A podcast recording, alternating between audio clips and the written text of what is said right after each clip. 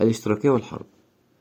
القرن الحالي هو قرن الحروب. مات أكتر من عشرة مليون شخص في الحرب العالمية الأولى وحوالي خمسة وخمسين مليون شخص في الحرب العالمية التانية واتنين مليون شخص في الحرب الهندية الصينية والدول النووية عندها القدرة إنها تبيد الجنس البشري عدة مرات.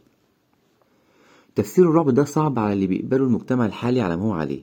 وهم شايفين إن بعض الدوافع الغريزية للإنسان هي اللي بتدفعه للاستمتاع بالمذابح الجماعية ولكن المجتمع البشري ما كانش يعرف الحرب. لاحظ جوردون تشايلد على أوروبا في العصر الحجري إن ال Danubians الأوائل كان عندهم تقاليد سلمية فما كانش عندهم أسلحة للحرب. الأدوات الحربية كانت غائبة عن كهوفهم وقراهم وكان ينقصها الدفاعات العسكرية. ولكن في فترة لاحقة أصبحت الأسلحة أكثر المصطلحات شيوعا. الحرب سببها مش دوافع أو غرائز إنسانية عدوانية إنما هي نتاج تقسيم المجتمع إلى طبقات.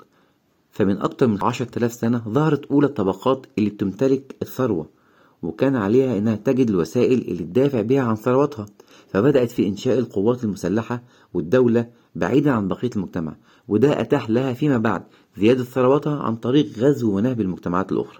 تقسيم المجتمع إلى طبقات اتسبب إن الحرب بقت صفة مستمرة للحياة البشرية. فملاك العبيد في روما واليونان القديمة ما قدروش يستمروا بدون الحروب المستمرة اللي بتؤدي إلى زيادة أعداد العبيد.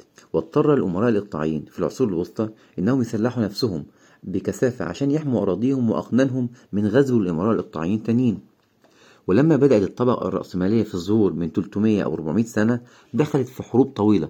استمرت من القرن الستاشر حتى القرن التسعتاشر وده عشان تؤسس حكمها على أنقاض الحكم الإقطاعي. واستخدمت الدول الرأسمالية الأكثر نجاحا زي بريطانيا الحروب عشان تزيد من ثرواتها من خلال نهب المستعمرات في أيرلندا والهند وما وراء البحار ونقل ملايين الأشخاص كعبيد من أفريقيا إلى أمريكا وحولوا العالم كله إلى مصدر للنهب.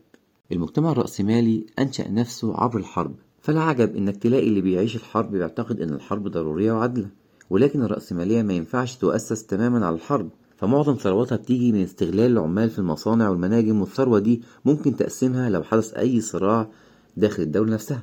عشان كده كل طبقة رأسمالية محلية عايزة السلام داخل أراضيها لكنها تسعى لشن الحرب خارج أراضيها. فلما تشجع المفاهيم العسكرية بنلاقيها بتهاجم بقوة العنف فالأيديولوجية الرأسمالية بتجمع بطريقة متناقضة تماما بين تعظيم العسكرية والعبارات السلمية. القرن الحالي أصبحت الاستعدادات للحرب أكثر أهمية بالنسبة للنظام الرأسمالي أكثر من أي وقت سابق. ففي القرن التسعتاشر كان الإنتاج الرأسمالي بيقوم على العديد من الشركات الصغيرة اللي كانت بتتنافس مع بعضها وكان جهاز الدولة بيحدد تنظيم علاقات الشركات دي مع بعضها البعض ومع عمالهم. ولكن في القرن الحالي التهمت الشركات الكبرى غالبية الشركات الصغيرة. عشان كده قلت المنافسة داخل حدود الدولة الواحدة وأصبحت المنافسة أكثر وأكثر عالمية بين الشركات العملاقة في الدول المختلفة. ومفيش دولة رأسمالية عالمية عشان تنظم المنافسة دي. بالعكس الدول الرأسمالية بتقدم الدعم لرأسمالييها لكي يتميزوا عن منافسيهم الأجانب.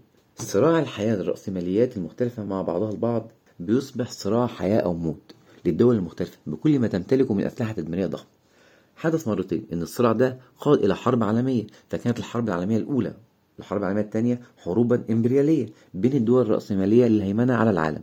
وكانت الحرب الباردة استمرار لهذا الصراع بين أكبر الدول الرأسمالية اللي واجهوا بعض في حلفي وارسو والناتو. وكنتيجة للصراع العالمي ده اندلعت العديد من الحروب في أجزاء مختلفة في العالم. وعادة كانت الحروب بين الدول الرأسمالية المختلفة على اللي يسيطر على منطقة معينة زي الحرب العراقية الإيرانية اللي بدأت في 1980 واستمرت 8 سنين. وتبارد القوى العظمى في بيع الأسلحة التكنولوجية المعقدة والحديثة للدول العالم الثالث. ورغم ده فهناك العديد من الأشخاص اللي بيقبلوا النظام الرأسمالي ومش بيحبوا الواقع القديم. هم عايزين الرأسمالية ومش عايزين الحرب وبيحاولوا يلاقوا بدائل داخل النظام. على سبيل المثال يوجد من يعتقد أن الأمم المتحدة ممكن تمنع الحرب. وظهرت حركات للسلام في أوروبا وأمريكا الشمالية في نهاية السبعينات للدعوة لوقف الحروب ووقف إنتاج الأسلحة ونزع السلاح.